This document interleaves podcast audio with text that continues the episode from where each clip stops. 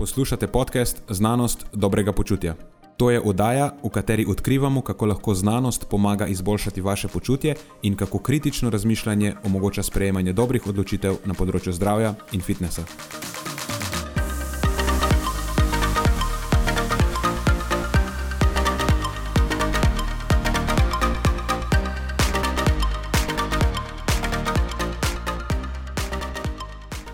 Pozdravljeni, z vami smo Nenad in moj sovoditelj Matjaš. Glavne teme tokratne epizode so osebnost kakavovih flavonoidov v alkaliziranem kakavu, erektilna disfunkcija in ravni testosterona v povezavi z umrljivostjo in histaminska intoleranca. Preden začnemo, pa se moram zahvaliti še našim sponzorjem. Zaenkrat to še vedno ni velika korporacija, temveč zvesti poslušalci, ki nam izkazujete zaupanje in podporo s prijavo v našo člansko skupino Znanost dobrega počutja. Hvala vsem, ki s tem držite luči prižgane in omogočate podkastu, da raste in postaja še bolj kakovosten. Hvala tudi vsem, ki nas podpirate s pozitivnimi komentarji in visokimi ocenami, ter s tem, da priporočate podcast svojim znancem in prijateljem. Zdaj pa je končno čas za začetek epizode. Uživajte ob poslušanju.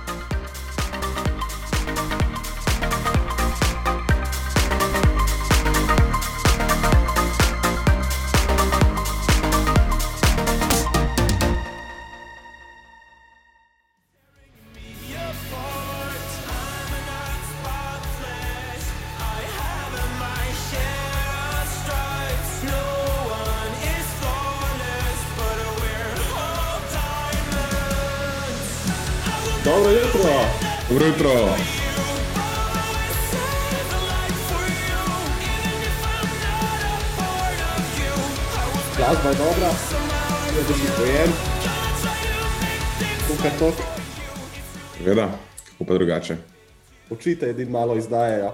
da, še... da je še ob šestih zjutraj. Da je še ob šestih zjutraj. ja, tako je to, zdaj že klasična ura najna za snemanje. Ja, je, če ne gre drugače, gre pa zjutraj. Tako je. Ajde, malo preden še začnemo s postim iminence. Uh mhm. -huh.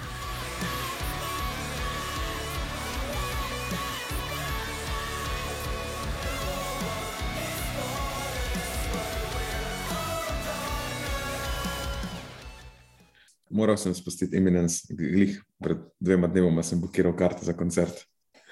A si res? Aha, ok. okay. To, ja, zdaj, se, zdaj se vračamo nazaj v, v malo bolj normalno življenje. Vidim, koncerti se odvijajo v polni Tako pari. Tako je. Okay. Okay, super. Tu smo nazaj, smo čakali. Zadnjič mi je ena varovanka rekla. Ja da upa, da se bo začelo spet nazaj. Pred to celo zadevo je plavala, pa plesala, pa tako, pa je zdaj, pa je polo vse nehala, je rekla. Polk se je pa začelo, sem pa ostala doma s čokolado v rokah. ni isto, nažalost, ni isto. Ja, uh, ja, ja so tudi meni poročali. Uh, imamo par plesalcev, ki hodijo k nam redno na vadbo, in, in to so očitno tisti, ki so najbolj trpeli uh, zaradi pomankanja koncertov in socializiranja. Ja. Ampak očitno je končno vsega konec, zdaj smo že brez mask, vse posod. Ja, ja. Kar je zelo, meni je bilo to zelo nenavadno. Iskreno sem kar pozabil, ker sem stopil v trgovino zadnjič. meni je zadnjič boter, ko sem prišel domov po dolgem času. Mi je rekel, da se, da se je počutil prvič, da bi bil nag. jaz sem rekel, le meni, jaz nisem nič meni motilo. Meni je bilo pač, šel sem brez un dan in to je to. Se je počutil, da je na nudistični plaži, prvi. Ja, ja. Super, danes, danes mi zdi, da nimamo toliko stvari za pokrpati, za pospraviti pod, pod prag, eh, kar se tiče aktualnosti. Kaj pa je zvem, kaj bi bilo takega zanimivega za izpostaviti, kaj se je dogajalo prejšnji teden? Um, ja, lahko spet sem spomnil, da uspešno delamo na našem programu Postani mojster svoje prehrane. Smo posneli promo videe ta teden, ki so bili mhm. ekstra zabavno, je bilo snemanje, moram reči. Ja, uh, s tem razlogom, seveda, poslušalci tega ne vidite, ampak ja. imamo tudi, imam tudi našo uh, modificirano Feel Good Kapogor, ki, uh, ki je bil del propa, ne enega izmed videov. Uh, to je v bistvu opomnik, da poveva za ta program. Ponovno. Odlično, Matjaš. Drugače pa jaz moram pohvaliti javno, moram pohvaliti Tima, ki se je izkazal, uh, mislim, sicer je absolutno odlična pridobitev kot kineziolog in nekdo, ki se spozna na vadbo in z vadbo povezane stvari, ampak očitno je tudi zelo nadaren igralec, ki ga bomo lahko uporabili za takšne in drugačne video vsebine. Je, ja, zelo dober fespijen je. Uh, sploh njegova vloga kot delavec je bila tako, mislim, da Oscar worthy. Ja, to je pa tako. Če bodo kdaj podeljevali Oscarje za fitness promo material, potem si ga definitivno zasluži. Pa se tim poteguje. potem bom vrnil to kapo, ki vam zdaj le na glavi. Tako je. Ampak še kaj, kaj se je zgodilo zanimivega? To je pravzaprav to. Um, edino, kar se dogaja, zdaj so spet nekateri te, uh, uh, nekatera predavanja, ki jih imamo ponovno v živo za različna uh mhm. -huh. podjetja. Uh, vidva imata uh, z Marijo, zdaj le prihajajoči vikend, še eno zanimivo predavanje. Je tako? tako je, za klub dvigovanja v teži. Ljubljana, delavnica v bistvu, traja celo dan. Ja, ja. ja. Ampak to bo itak že minilo, ko, ko bo šel ta podcast ven. Je pa zanimivo, ja, ker skupaj imajo Vital Gym in klub dvigovanja v teži. Eh, v prvem delu se bomo ukvarjali s prehrano za preoblikovanje telesa, tako bolj za splošno populacijo, v drugem delu pa bo specifično bolj tako športna prehrana za športnike moči, mi temu rečemo, ampak v bistvu tam so predvsem dvigovalci v teži, eh, mogoče bomo powerlifting vključili in take sorodne discipline.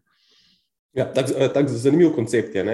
Meni se mm. zdel tako, uh, malo drugačen, kot smo ga običajno vajeni, ampak mislim, da bo bolj interaktiven. Ja, ja, tako je.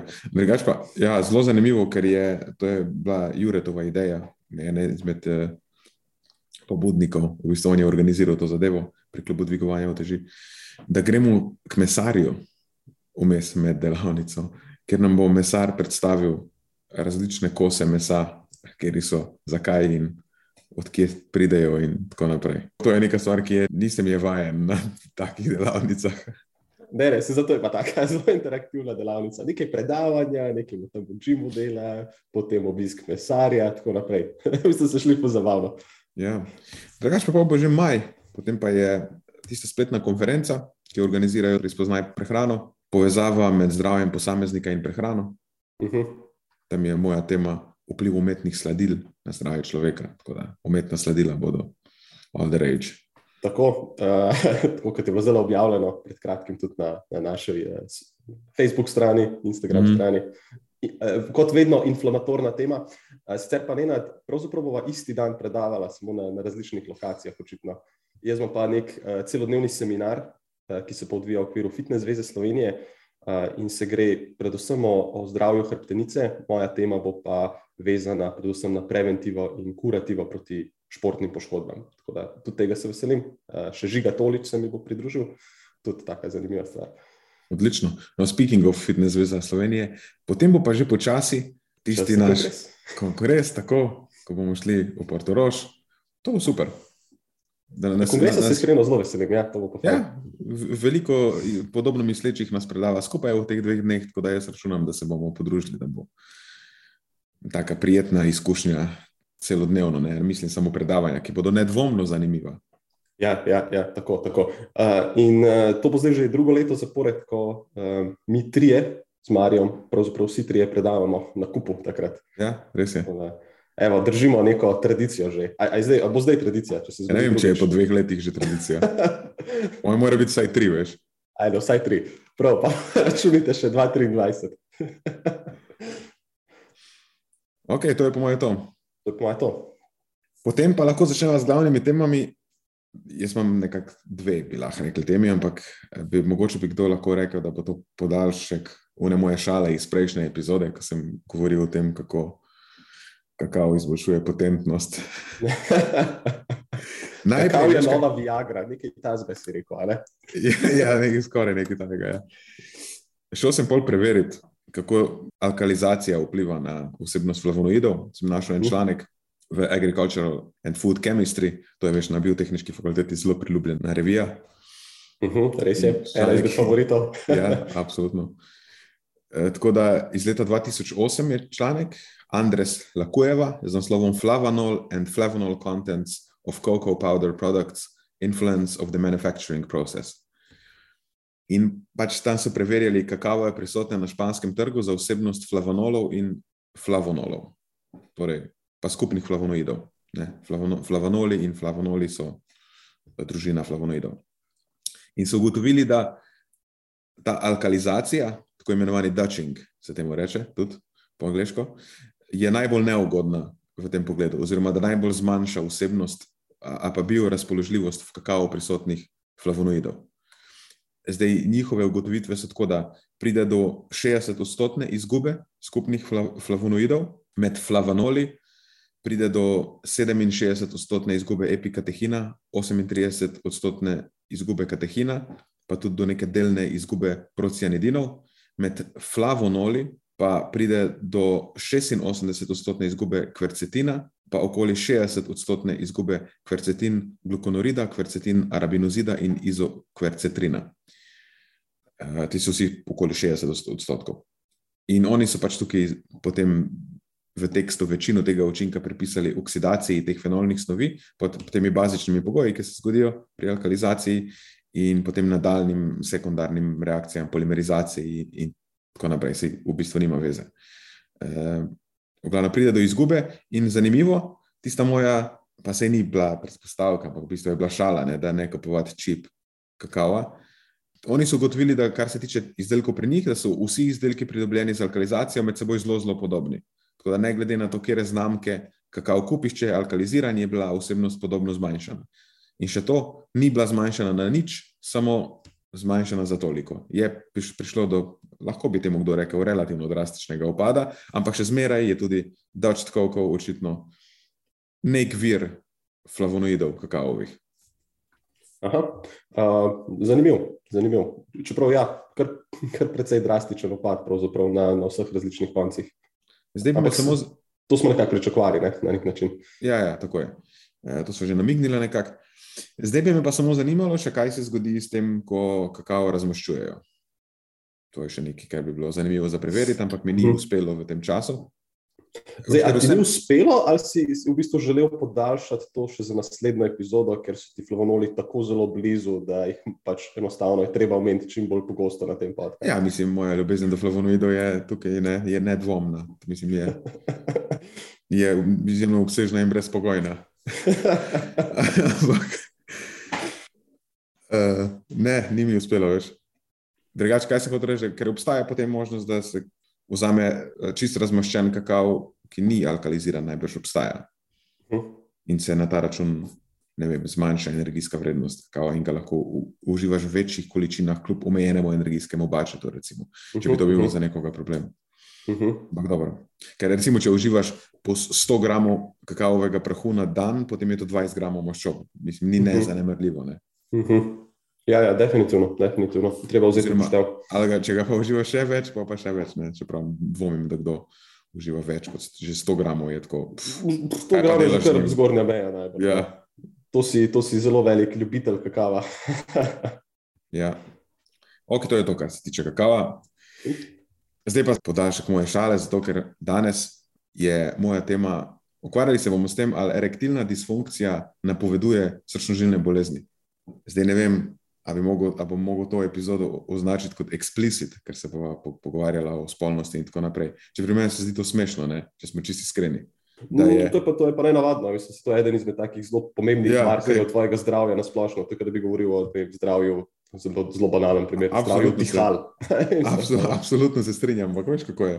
Ko, ko začneš govoriti o spolnosti, tako ful ljudem postane nelagodno, kar, kar se meni osebno zdi zelo nenavadno. Ampak lej, ne bom označil kot eksplicit, okay? ki je čist, čist normalna stvar, noč kaj tasga. Cool. Zdaj najprej za malo uvoda. Arabo sploh razlagati, kaj je to erektilna disfunkcija. Uh, mislim, da je ljudem kar jasno, o čem se pogovarjamo, še posebej, ker si dal ta explicit warning na začetku praktično. Ja, ok. Vsem, sem, da, da bo res vsem jasno. Mislim, sej, če ti ni jasno, kaj to je, pol ti tako nečem nadaljevanju ne bo jasno, ampak to je po domače, da ti pač ne stoji. In gre za pogosto zdravstveno težavo pri starejših. Matjaš se smeje. Zakaj se smeješ, Matjaš? Ne, všeč mi je, veš, kaj imamo tako znanstveno razlago, potem imamo pa še po domače. To je tako, kot nek, uh, nekaj, da bi dobil neke, neke subtitle, veš, ko gledaš nek Netflixov film ali karkoli. okay, pač, mislim, ja, probo sem vključiti čim več ljudi v to debato. Meni se ni zdelo smešno, pa sem se začel smejati, kot, eh, ko sem videl Matjaža, da se smeji in zdaj se počutim, da so dva najstnika. Ok, v redu. Spremem tudi to, sej, smo mlada po duši. Eh, ki sem ustal. Ja, da je pogosto zdravstvena težava pri starejših moških in ocene so, da prizadene tako več kot 50 odstotkov moških med 40 in 70 letom. Mislim, če gledaš, da 40, 40 ni dost, mislim, ni, ni visoka starost. In če je to starostna skupina, pri kateri se že začnejo pojavljati težave, potem je to, meni se zdi, zelo zaskrbljujoče izbrati v hrano te funkcije, bistveno dlje kot do 40. Ampak ok. In zdaj, kaj je zanimivo tukaj, je to, da je erektilna disfunkcija povezana z višjim tveganjem za umrljivost. To že vemo, to ni nekaj novega. Imamo podatke iz nedavne metaanalize, ki kažejo, da imajo moški z erektilno disfunkcijo 24 odstotkov više tveganje za umrljivost iz vseh vzrokov, v primerjavi z moškimi brez erektilne disfunkcije. Okay, to je nekaj, kar je zdaj že znano in na čemer nadaljujemo. In potem še ena stvar, ki jo vemo, je, da pa staranjem ravni testosterona sčasoma upadajo. In nekako vemo tudi, da so ravni testosterona lahko bi bile povezane, oziroma so povezane z erektilno disfunkcijo. Imamo tudi par raziskav, ki povezujejo nizek testosteron z višjo umrljivostjo iz vseh vzrokov in iz srčno-žilnih vzrokov, ampak nimamo pa nekakšne celotne slike, kako so zdaj te stvari povezane. In tudi raziskave samo s testosteronom dajo nasprotujoče si rezultate, in to tako še vedno ni jasno, ali je nizek skupni testosteron neodvisen dejavnik tveganja za bolezni, pa umrljivost, ali pa gre samo za nek nespecifičen marker slabega zdravja. Eh, in enako v bistvu za erektilno disfunkcijo velja. Ne vemo, ali te zadeve so upadata, ne, da imajo ljudje z erektilno disfunkcijo, pa srčno-žilnimi boleznimi eh, eh, nizek testosteron zaradi nečesa drugega, ali je lahko nizek testosteron tukaj nekaj, kar kakorkoli vpliva na, na, na to povezavo. Ne, torej, spolna disfunkcija in nizek testosteron in srčno-žilne bolezni doskrat se upadajo. V raziskavi European Male Aging Study, EMAS, to je v bistvu tudi kohorta, na kateri je bila ta raziskava narejena, o kateri bom danes govoril.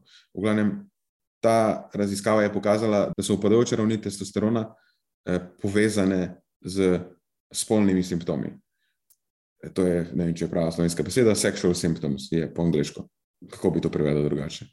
No, meni se zdi to čist smiselno prevod. Ja. Ampak torej, še vedno ni jasno, če je umrljivost pri moških z erektilno disfunkcijo povezana z nižjimi ravnmi testosterona, ker pač lahko da zadevi samo sopadata. In namen raziskave Antonija in sodelavcev, to je raziskava, ki jo nameravam danes predstaviti. Naslov te raziskave je Erectile Dysfunction Predicts Mortality in Middle-aged and Older Men Independent of Their Sex Steroidal Status. Objavljena je bila pa v reviji Age and Aging. No, in namen te raziskave je, da razišče možno razmerje med spolnimi simptomi, torej sexual symptoms, in spolnimi hormoni v povezavi z umrljivostjo iz vseh vzrokov. Tako kot že rečeno, potekala je na eni večji evropski kohorti moških srednjih let, European Male Aging Study. Spremljali so te moške več kot 12 let, vključili so jih med leti 2003 do 2005, vključenih jih je bilo na začetku 3369 stari so bili med 40 in 79 let, v drugi fazi jih je ostalo samo še 2042, in na koncu samo 1788. Tukaj, če greš to brati, se je dogajalo nekaj zelo čudnega. Ne bom rekel, da so bili šalabajzeri, zgubljali so neke podatke, v glavnem, tako, tako. Zdaj, disclaimer na tej točki. Ta raziskava ni raziskava najvišje kakovosti. Okay? tudi kako so poročali podatke, kasneje mi ni najbolj všeč. Ampak lahko rečemo, da, to, da je to pač, eh, kako bi temu rekli, kozmetika. Okay. Eh, manjkajo mi neke tabele, kjer bi bilo to zelo pregledno. Sicer so pol grafi, jaz imam rad grafe, super, lahko nekaj stvari z grafo razbereš, sam, a veš, ne boš šel tam z ravnilom na Y osmeriti, kakšno je razmerje tveganja. pač dajte številke v, v tabelo. Ampak ok, v redu, Sej, vidimo približno, kaj se je zgodilo. Vključeni so bili moški iz Velike Britanije, Švedske, Mačarske, Polske, Belgije, Estonije, Italije in Španije. Je pa tako, da poluniki so odpadli, so bili v bistvu iz centrov iz Velike Britanije, Švedske in Mačarske. Tako da na koncu je to šlo v stran, v, v končni analizi in so ostali samo Polska, Belgija, Estonija, Italija in Španija. Ampak se, se mi zdi, da še, še vsem zadost nek tak splošen vzorec za nas, tudi da lahko mislim, da lahko posplošimo te rezultate na večino evropskih populacij. No. Tako da so tudi za najo relevantni, rečemo temu, pač za povprečnega evropskega moškega. Uh, Drugač pa zmerilo, zmerili so pa, vzeli so podatke o vsem, kar je še relevantno, od, od njihovi telesni stopni, telesni pripravljenosti. Potem so jim dali razne vprašalnike za zdravstvenem stanju, kjer je zdravila jemljajo telesni masi, življenjskem slogu. Pač vse to, kar so rabili, potem, da so eh, prilagodili analizo na koncu. Ne. No, kot že rečeno, v končni analizi jih je bilo 1788, 420 od tega je bilo umrlih, 23,5 odstotkov. Eh, in preživelih 1368, torej malo več kot tri četrt. Eh, Poprečen čas spremljanja je bil 12,6 let. Zdaj pa tako, kar se tiče na splošno, oni, ki so umrli, pač tisti, ki so umrli, valjda se logično, so bili starejši, imeli so višji indeks telesne mase, višji obseg pasu, manj so bili telesno dejavni in imeli so več komorbidnosti. Zdaj to ni nobena novica, to že vsi vemo. Če hočeš živeti dlje, pač dejte lovadi, imej nižji indeks telesne mase, nižji obseg pasu, pa mlajši kot si, manjša je verjetnost, da boš umrl. Tako da mi je bilo pač zanimivo, da so poročali to. In kar se zdaj pa rezultati, ne, kaj je najbolj ključno. Ugotovili so, da res spolni simptomi so bili bolj pogosti pri tistih moških, ki so umrli. Je pa zanimivo, da skupne ravni testosterona pa se med skupinama niso razlikovale.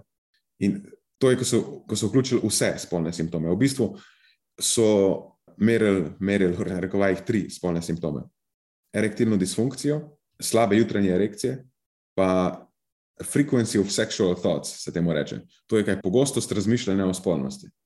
Okay? Ne, ne, ali pa nizek libido, bi temu lahko tudi, tudi, tudi temu so tako rekli. Um, no, to troje so merili.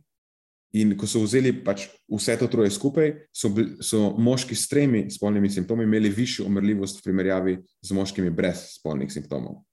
Zdaj, za ena pa dva simptoma je interval zaupanja zelo širok, poprečje je sicer nad ena za razmerje tveganja, ampak ta razlika ni statistično značilna. Tako da pač prva statistična značilna je, ko so trije spolni simptomi. Ampak potem pa, če pogledaš specifično za erektilno disfunkcijo, pa slabe jutranje erekcije, sta ta dva spolna simptoma sama po sebi povezana s povečano umrljivostjo. In tukaj je potem, če se prav spomnim, pa številke nimam, ker je nikjer. Ker je, nisem izpisal iz teksta, in zdaj tukaj je samo graf, je nekje okoli 1,5. Okay? Um, po drugi strani pa nizek libido ni bil povezan s povečano umrljivostjo. In potem, ko so oni prilagodili za skupni testosteron, prosti testosteron, skupni estradiol, spolni hormon, vezoči globulin, nič od tega ni vplivalo na razmerje tveganja vse je ostalo zelo, zelo podobno. Tako da tudi pri moških z normalnimi ravnmi testosterona je prisotnost spolnih simptomov bila povezana s povečanim tveganjem za umrljivost. Po drugi strani pa moški z nizkimi ravnmi testosterona in brez spolnih simptomov pa niso kazali povišenega tveganja. Tako da, ko potegnemo nekako črto, rezultati potrjujejo, vsaj njihovi, Eh, pa če vzamemo v obzir, da ni bila glih neka najbolj tesna raziskava, to, eh, pa da je bolj med prvimi. Zdaj ni, ne, ne bi jaz glih to nekako zelo samozavestno trdil, ampak zaenkrat očitno so eh, indikacije, da je prisotnost simptomov, še posebno erektilne disfunkcije, močan napovednik umrljivosti iz vseh vzrokov in to neodvisno od stanja testosterona. Da je stanje testosterona nekaj, kar je tu samo na sovoznikovem sedežu, sedi pa nič ne dela. Da, to pomeni, da je povezava med erektilno disfunkcijo in umrljivostjo eh, precej robustna in na njo ne vpliva niti skupen testosteron, niti prosti testosteron, niti estradiol, niti spolni hormon vezoči globulin. Ne, potegnemo črto in moški z normalnimi ravnmi testosterona in spolnimi simptomi so imeli više tveganje za umrljivost v primerjavi z, z moškimi z nižjimi ravnmi testosterona brez spolnih simptomov. Tako da zelo zanimiv zaključek, no, po moje, da so spolni simptomi, še posebej erektilna disfunkcija, pomembnejši napovednik umrljivosti pri moških srednjih let kot ravni testosterona. Zdaj, malo če pomisliš, na koncu ti tako rečeš, pa se to je zelo smiselno. Lahko bi rekel, da celo, celo pričakovano, ne? ker erektilna disfunkcija, kaj je to? to je sam, pogosto je to znak poslabšenega srčno-žilnega zdravja. Ja, absolutno obstajajo tudi, tudi drugi vzroki. Eh, doskrat so psihološki, obstajajo nevrološki vzroki, mislim, obstaja celo področje, ki klasificira vzroke za to, za, za erektilno disfunkcijo. Ampak vsaj v določeni meri, to pa mislim, da lahko trdimo, pri nekem deležu erektilnih disfunkcij bi pa te lahko opredelili kot srčno žilno stanje in v bistvu sploh ne.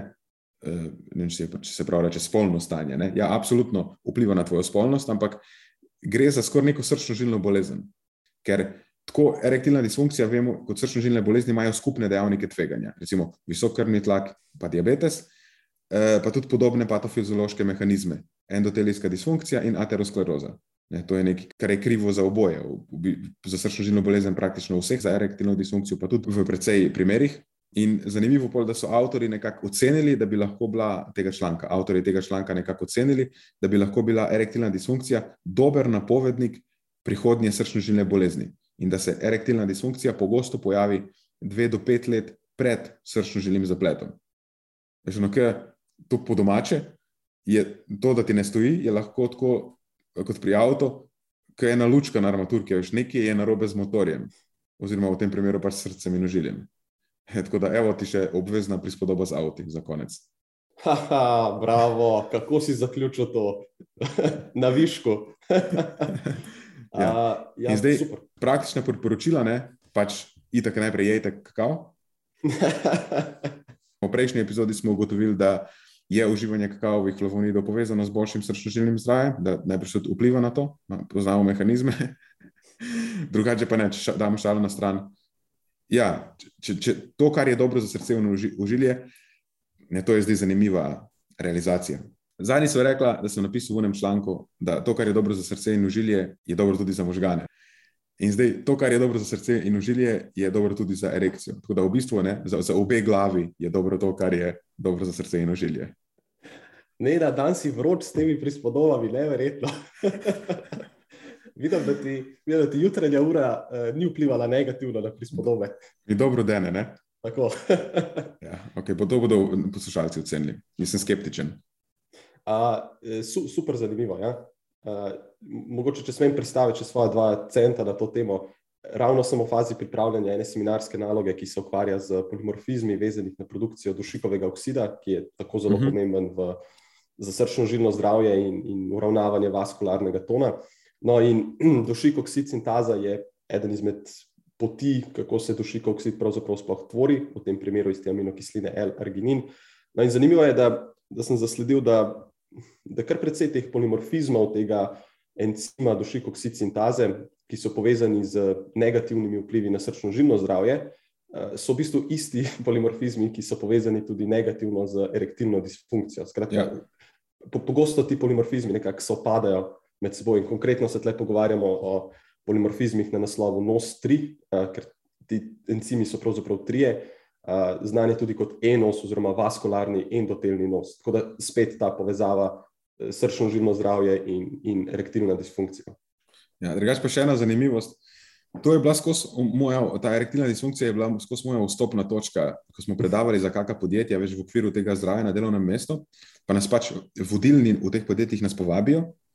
Ampak so, če, če so proizvodna podjetja, je to je zelo različen profil ljudi. Uh mhm. -huh. veš, nas povabijo, recimo, vodilniki, lahko rečemo, so višjega socioekonomskega statusa, jih ponavadi bolj zanima zdravje, bolj jih zanima prehrana in so vsi navdušeni, da mi pridemo tja. Ampak potem nas dajo pa med njihove proizvodne, proizvodne delavce, ki v bistvu imajo drugačne interese v življenju in jim pač skrb za prehrano ni na prvem mestu.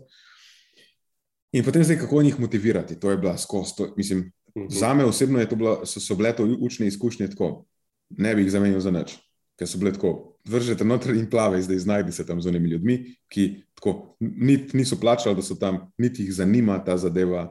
Čuden si ti tam zlobljene, in tako je doskrat bilo na periferiji. Uh -huh. ne, ne bom te poslušal. No, in zanimivo, da je bila erektilna disfunkcija nekaj, s čim sem jaz njih zelo hitro pretegnil. In ko sem jaz njim predstavil, kako te neke stvari vplivajo na to, pa kaj se lahko zgodi, pa kakšne malo bolj alarmantne številke, se ne da sem jih zavajal, rekel sem samo to, kar podatki kažejo. No, pa smo se že začeli pogovarjati. Ja, ja. ja absolutno, moraš, moraš poznati svojo publiko na nek način, ja. na, kaj, na kaj trzajo. Tudi pri mladih športnikih. Veš, če zdaj tja pridem in razlagam o zdravju in podobno, ko so oni stari 15 let, kaj, kaj ne, to njih absolutno briga. To moraš igrati na karto um, vem, večjih mišic, lepše postave. Le se pustimo po strani, da veš, od, te, od tega, da uredijo prehrano, da bodo imeli tudi ugodne vplive za svoje dolgoročno zdravje in tako naprej. ja. Tako da to, zdaj, če slučajno kdo posluša, kako nade buden predavatelj prehrani, ne mogoče mu bo to zanimivo. Ne, to mi je bila vstopna točka.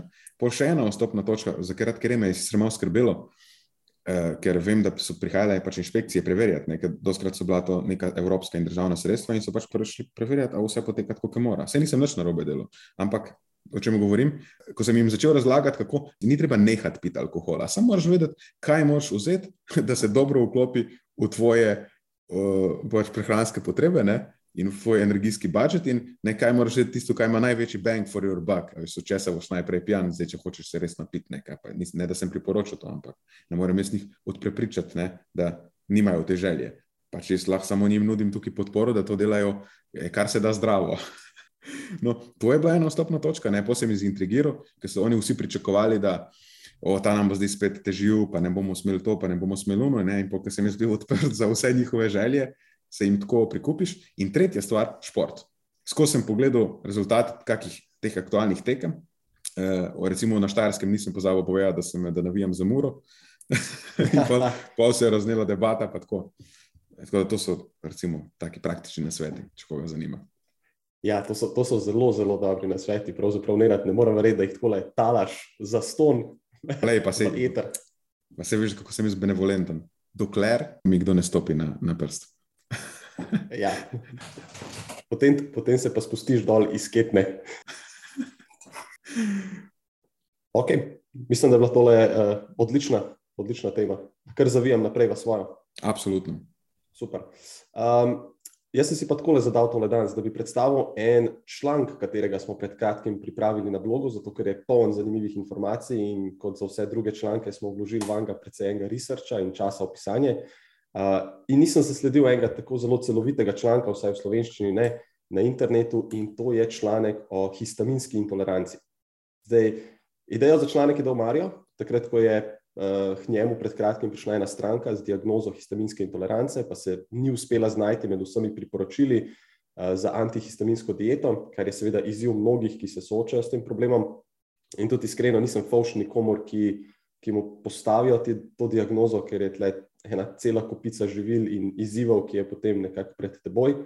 Um, in je ja, dejansko je velik izziv nekako prilagoditi svojo prehrano, no kljub vsem, um, vsem tem omejitvam, da se ne pojavijo neke, um, neka pomankanja in tako naprej. Ne. Tako da, mogoče za začetek, kaj je histamin. Uh, Dajmo najprej to znanstveno razlago, to je, to je biogeni amin. Eh, in pa zelo pomemben neuroimuno in endokrini medijator, ki je vključen v najrazličnejše procese v našem telesu, eh, predvsem v umetne odzive. Zdaj pa mogoče še ta domača razlaga histamina. Eh, zdaj, jaz mislim, ne, da vidva z Marijo tako bijeta bitko mojstra prispodob v naši ekipi. Mogoče, mogoče je Marijo še vedno number one, ampak ti si mu tik za petami, še posebej s to epizodo. tako da kot vedno je Marijo razmišljal o tem, kako lahko te stvari uh, približa na najbolj poljuden način, in mi dva smo mu potem pri tem seveda pomagali, malo um, pobrusila po robovih to prispodoba.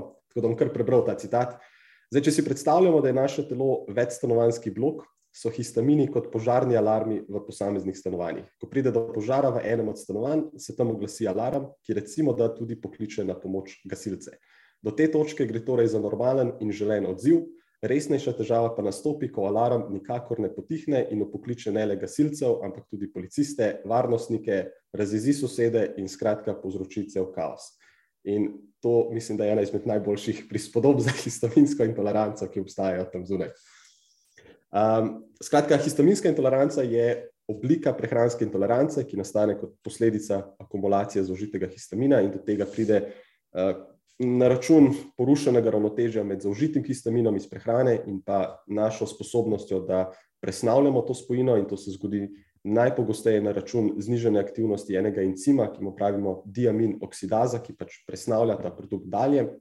In posledica tega so potem simptomi, kot so rdečica, srbečica, glavobol, slabost, zamašenost, bolečine v trebuhu, driska, bruhanje in tako naprej. Skratka, tako zelo, zelo, zelo neugodno stanje. ki je na nek način lahko rečemo podobno laktozni intoleranci, za katero mislim, da večina populacije je bistveno bolj znana kot histaminska intoleranca. Zdaj, laktozna intoleranca pa seveda nastane kot posledica pomankanja encima laktaze. Tako da to je nekako ta, ta povezava, mogoče si lahko lažje to predstavljate. Kar se tiče diagnosticiranja histaminske intolerance, nimamo nekega enotnega diagnostičnega testa, za razliko od nekaterih drugih stanj, recimo celiakije. Um, med temi najbolj raziskanimi ali pa najpogosteje uporabljenimi metodami je uh, metoda diagnosticiranja histaminske intolerance z analizo tega encima diamin oksidaze v serumu, uh, ki pa tudi nažalost še ni natančno določena. Eno je ugotavljanje kvantitete tega encima, drugo je ugotavljanje, kako aktiven je dejansko potem ta encim. Tako da, nažalost, smo že v bistvu na tej točki malo uh, omejeni, ampak kakorkoli že. Um, zdaj, naslednja stvar, ki je mogoče vredno izpostaviti, ko je govora o histaminski intoleranci, so še biogeni amini kot celotna skupina. Uh, biogeni amini nastanejo tekom presnove beljakovin. In histamin je samo eden izmed teh biogenih aminov, ampak vsekakor pa ni edini. Uh, in Pogosto so lahko celo problematični nekateri drugi predstavniki te skupine, ne histamin sam po sebi.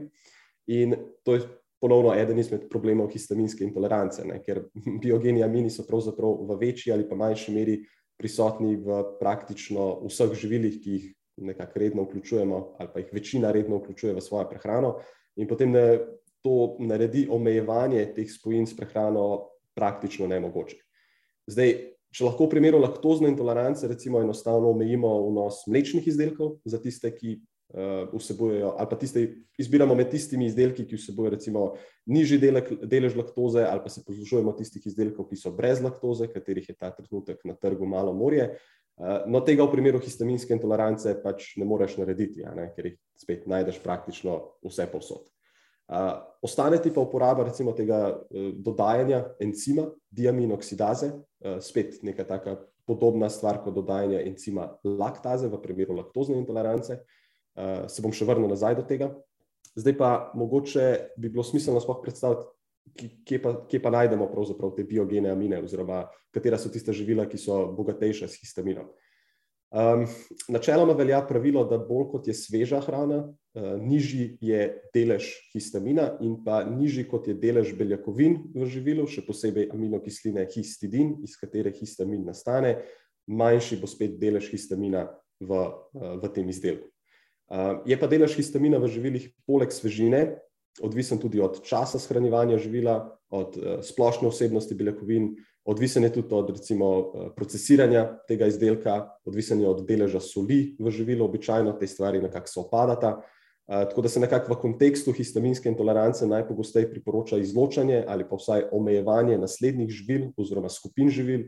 To so konzervirana živila, to so fermentirana živila, eh, to so razni starani siri, ribe in morska hrana, razne dimljene mesnine, določena zelenjava in določeno sadje, ne vse, gobe so lahko problematične, in pa alkohol je vsekakor lahko problematičen, pa ne zato, ker vsebuje histamin, ampak zato, ker naj bi imel negativen vpliv na delovanje tega preomenjenega encima tiaminoksidaza.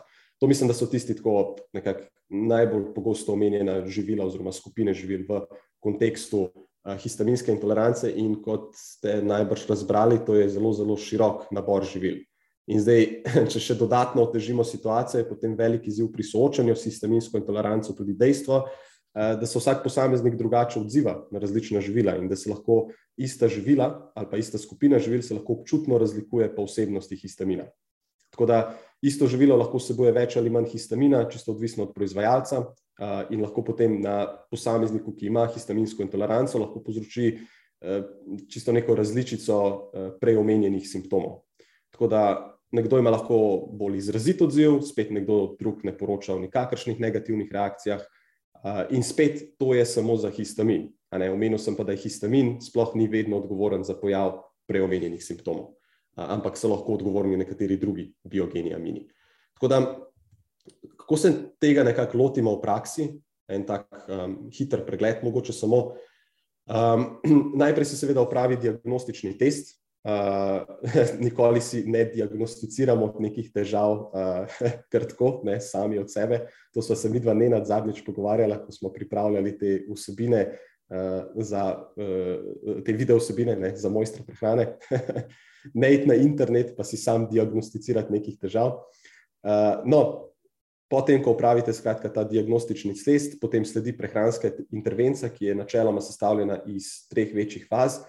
Prva bi bila eliminacija, torej eliminacija traja nekje cca dva tedna, ko odstranimo tiste živila, ki sem jih prej omenil, eh, ali pa vsaj v večji meri poskušamo odstraniti tiste preomenjene skupine živil, ki so najbolj problematične v kontekstu histaminske intolerance. In pri tem je seveda zelo smiselno, da tista hranila, ki izostanejo na račun odstranjevanja živil, tudi ustrezno nadomestimo, bodi si s prehrano ali pa z neko uporabo prehranskih dopolnil. In spet zelo koristno bi bilo tukaj, da se posvetujete z nekim prehranskim svetovalcem, ker te stvari delate tako na pamet ali pa sam po sebi, če morda nimate malce več znanja na tem naslovu, je lahko zelo um, riskantno na nek način. No. Uh, druga faza je potem testiranje. Faza testiranja potem traja več testov, kjer postopno vključujemo nazaj v prehrano tiste živila, ki so bila umaknjena v prvi fazi. Če opazimo simptome, kmalo po zaužitju določenega s histaminom bogatejšega živila, potem je to neke vrste pokazatelj, da to živilo za dotičnega posameznika ni najbolj primerno ali pa ni bilo primerno v teh večjih kvantitetah. Spet ob tem je potrebno upoštevati kakšne druge spremljajoče dejavnike, recimo uporaba, morebitna uporaba zdravil, menstrualni ciklus, stres in ne vem, kakšne druge stvari, ki vtegnejo nekako vplivati na celotno situacijo. Uh, skratka, gre se za neke take primekajoče se dele, ki lahko močno vplivajo na izkušnje tekom te faze, zaradi česar se jih pogosto napačno interpretira, če ostanejo nenaslovljene. Ne. In spet, mogoče še ena točka, zakaj se je smiselno teh stvari lotiti uh, pod okriljem nekoga, ki se malce bolj spozna na te stvari in ne na lasno pest. In potem je še tretja faza, kjer pa poskušamo vzpostaviti neko dolgoročno dieto.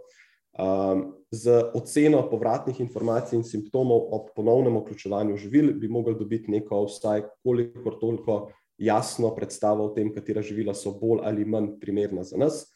Uh, smiselno je tudi nekako ugotavljanje tolerančnih mej pri tistih živilih, kjer simptomi niso najhujši, uh, zato da bi se z njihovo bolj tako premišljeno uporabo lahko izognili popolnemu izločanju ven iz prehrane. In to se izkaže kot uh, zelo, zelo koristno, v perspektivi dolgoročne uh, diete. Ne? Uh, zato, da ne izključimo ravno vseh tistih živil, ki so posamezniku najbolj všeč, ampak jih morda vsaj vključimo v nekih bolj prilagojenih količinah. Skratka, cilj te faze je narediti prehrano vzdržno na dolgi rok, energijsko in hranilno ustrezno, kljub morebitnim, morebitnim odstranitvam določenih živil oziroma skupinam živil. Um, Je pa tako, no, spet uh, ta prehranska intervencija kot celota ni najbolj enostavna stvar. Uh, eno je to, da veš, da ugotoviš, katero živilo je potencialno problematično, drugo je potem recimo to znanje, s katerimi hranili so ta živila, ki smo jih izločili ven, bogata in kako se da ta hranila tudi ustrezno nadomestiti. Uh, in tretje je potem to sistematično uvajanje živil nazaj v prehrano. Uh, in mogoče je še čisto zadnja stvar, V primeru histaminske intolerance sem že omenil, da je svetovanje tudi dopolnjevanje prehrane s tem encimom diaminoksidazo, ampak vsekakor se tega ne počne v času prehranske intervencije, zato ker ne dobimo nekih realnih podatkov o tem, katero živilo je zdaj dejansko problematično in katero ne. Tako da to je potem nekaj, kar se kasneje uvede. In pa disclaimer, jaz seveda nisem zdravnik, ampak kratkoročno se v primeru kakšnih zelo hudih simptomov uporabljajo tudi antihistaminiki, Uh, ampak spet to ni naša domena, ne? tako da um, bodite pazljivi. In, in to je pravzaprav to, to je antihistaminska dieta. Super, lep povzetek. Jaz bi dodal samo še eno stvar. Uh -huh. uh, biogeni amini niso grda beseda, ker določeni uh -huh. biogeni amini so povezani tudi z ugodnimi vplivi. Sploh uh -huh. un poliamin, kaj je spermidin.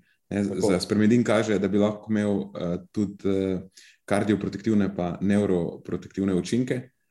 Pa, eh, mislim, da višji vnos premedina je v epidemioloških raziskavah že povezan z nižjo umrljivostjo zaradi raka in srčno-željnih vzrokov.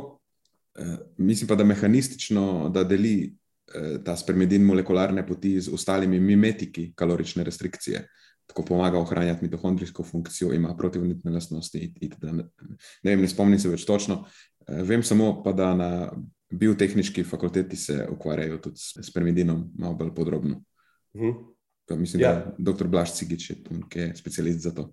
Ja, ja zelo dober point. Uh, Pač ene stvari, ki so problematične za zelo tak majhen subset populacije, ne pomeni, da je ta spojina snov eh, problematična za vse ostale, pa da ni celo koristna na katerih naslovih. Uh, mogoče zelo banalen primer, ampak iz tega glutena smo naredili, uh, veš, hudiča smo naredili ven iz tega. Pa zdaj ne rečem, da je zelo koristen ali karkoli že, ampak vsekakor pa za večino drugih ljudi pač ni škodljiv ali pa problematičen. Ja, ja ali pa celo tako pri spermidinu, ki je očitno koristen. Koristen. Ja. Drugač pa. A veš, odkje je dobil spermidin ime? Nekako njegovo ime mi nakazuje, v kateri smeri se nahajamo. Ja, da zaokrožim zdaj že to, je to ja, ja. epizodo ja. na pravi način. Ja, izolirali so ga iz sperme prvič. Uh mhm. -huh. da, zanimiva trivija, nekoristno dejstvo. Nekoristno dejstvo. Um, ja, ampak je pa res, ja, zelo lepo si zaokrožil to epizodo. A je to to? To je to. Super.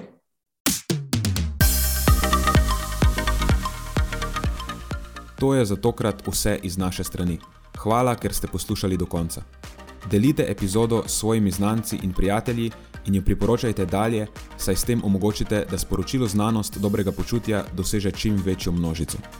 Hvala vsem, ki nas podpirate s članarino in tudi vsem ostalim, ki delite podcast dalje in nam izkazujete naklonjenost z visokimi ocenami in pozitivnimi komentarji. Se slišimo prihodnjič, do takrat pa ostanite premišljeni.